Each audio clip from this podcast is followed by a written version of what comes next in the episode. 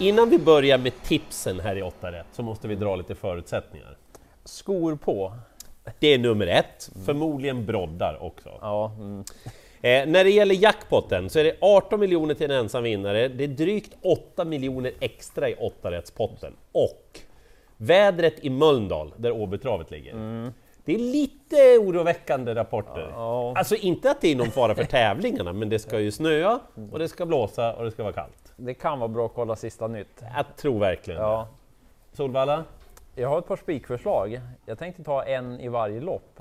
Kan vi göra så? Absolut, men är någon bättre än någon annan eller? Ja, jag har en som jag verkligen tror på. Sen ja, tre tänkbara till, men några skrällar också.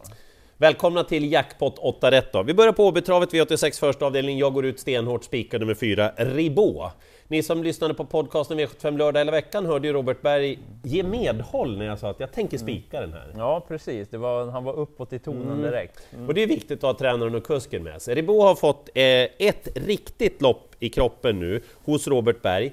Det är ingen skam att få stryk av behind bars, en bra V75-häst som hade liftat med i rygg hela vägen. Han är jättesnabb från start. Ja, han har gått bra med skor tidigare. Ja, jag vet inte om distansen är någon fördel, men han såg stark ut senast det var långt ner till de andra. Det troliga, tycker jag, är att han ska vara favorit, han tar ledningen, han vinner det här loppet 25-30 gånger av 100. Ah, lite, någon fler kanske. Ja, och vi hinner se han värma Ja, också. det gör vi också. Sen avdelning två är lite smålurigt kanske när man börjar kolla. Det är kanske ingen häst man litar på fullt ut, men ju mer jag kollar ju mer så tror jag på en. Men förhandsfavorit är 6 Hypekin Am, han får den här. Har han fått något annat någon gång i det här programmet? Nej, jag- alltså jag är ganska taskig med honom tyvärr. Men han kan vinna om man garderar, Ja, absolut. Han men, gillar ju eh, att vinna. Ja, det gör han ju. Men ja, lite frågetecken hur bra formen är. Det var inte som bäst senast debut i ny regi. Då. Det är lite intressant på Christer Rotterströms hästar att man ändrar träningsupplägg där. Så det är ju värt på hans hästar överlag att hålla koll på. Men jag tror mest på Tio Kontur just för att formen där är den betydligt bättre. Och den har gjort bra lopp den senaste tiden och Thomas Pettersson, han har bra form på stallet. Verkligen, verkligen. Bakspår på kort distans, det är såklart inte det allra bästa, men Christer Nyström, han är säker i sulken och kan bli lite körning mellan ett par från början här, så jag tror Kontur har rätt så bra chans att spurta ner dem till slut. Ja. De här betrodda 5 och 7, de kan vinna, men jag nämner istället 9 Fille Am om man letar en skräll. Den var med i samma lopp som Kontur senast, det är ju en kapabel häst, men han har ju blandat och gett ganska länge. Men han fick ett lopp i kroppen där senast. Visst, det var väl bara okej. Men lopp i kroppen och inte så tokigt utgångsläge. Men värme kontur bra, kanske jag spikar den. Det är spikförslaget liksom. Ja, Ja. Eh, V86 tredje avdelning, favoriten nummer fyra Blue Hills Win får den här. Detta trots att hon galopperade bort en förmodad V75-seger senast. Hon är snabb bakom startbilen. Det troliga är att hon tar hand om ledningen, men förutsättningarna lär bli lite jobbiga. Hon ska gå med skor den här gången dessutom. Och jag tycker nog att 6 A Good Melody är en minst lika bra häst. Så ja jag gillar den. det kanske vore det omvända som vore det rätta förhållandet i favoritväg i alla fall. Eh, I princip alla hästar kan vinna det här loppet, så har jag sagt det. Jag väljer att ta tre och berätta om.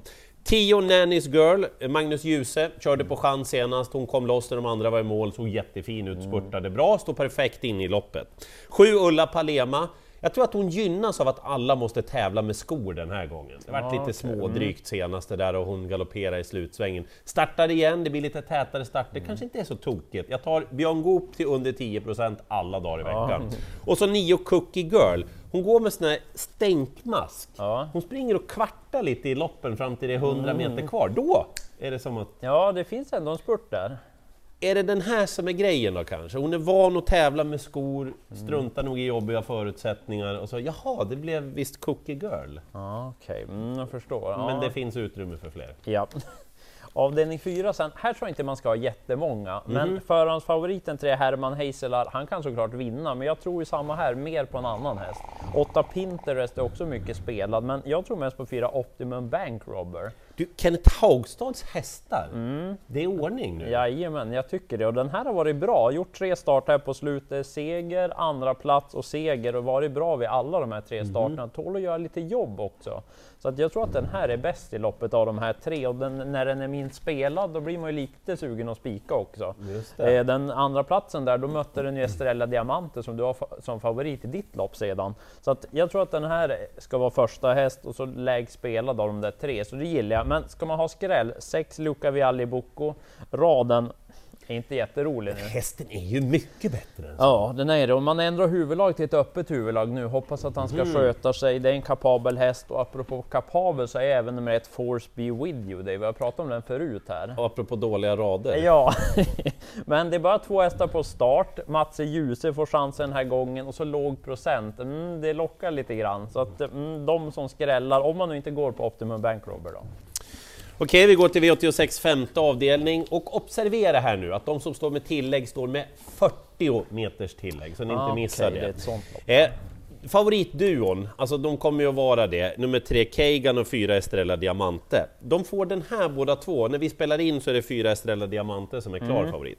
De mötte senast, de gjorde väldigt bra lopp bägge två. De är bara tre år och det här är min personliga uppfattning nu. Jag tror att de missgynnas av det här att det är skotvång. De Okej. har en speciell aktion och jag tror att barfota bak är liksom grejen för dem. Mhm. Det blir nog lite värre när de måste gå med bakskor. Det låter som det kommer ett drag med skor. Alltså 10 Quantum Rock, skulle han få en bra start och sitta med dem? Han är ju stor och det har tagit lång tid att få upp honom i full kondition har ju Hanna Läderkorpi sagt, men han blåser väl till dem här Ja, mm. Och så 11 Milord, där har ni ju en polle som står inne i loppet. Alltså kolla, 871 000 på sig, loppet är stängt till 875. Ja, mm. Han kan springa på månen om det är så. Det spelar ingen roll för Milord. Så jag tänker att han är gynnad av att det är skor på och lite jobbiga förutsättningar som det verkar. Mm, kan vara skrällen alltså. Och Erik Martinsson har bra eh, form på hästarna. Det också ja. Och Stefan Persson har bra form på sig själv. Ja, det har han. Ja. Avdelning 6, det är också sånt här lopp som du hade tidigare. Egentligen alla kan vinna. Det är ganska svårt storlopp det här. Mm. Men jag kan tänka mig att spika, särskilt om procenten ser ut som den gör när vi spelar in det här. Ett Pastorns Lady är favorit. Bra form, men nja, jag tycker inte hon ska vara favorit. För det ska Theo Carey Cash vara. Mm. Just för att hon är tuffast i det här fältet. Och Visst, det är bakspår, men hon tål att göra jobb som sagt. Kanske kör fram utvändigt leda inför slutrundan. Stallform, Jörgen Westholm säger ju bra. Har han haft Va? form i fem år? känns lite så. Ja. Hon funkar ju dessutom att gå med skor, har vunnit med det förut också. Så jag tror att hon kanske är tuffast och när procenten inte är jättehög då blir man ju sugen att spika den. Men det är ett lopp som många kan vinna. Fyra Isa kommer bli lite spelad den här gången. Hon trodde jag ju på senast. Då blev det ju ingen ledning, men kanske att hon sitter där nu eller på Just rygg det, redan. just det. Hon är snabb på speed. Fem Green Mamba är också kapabel.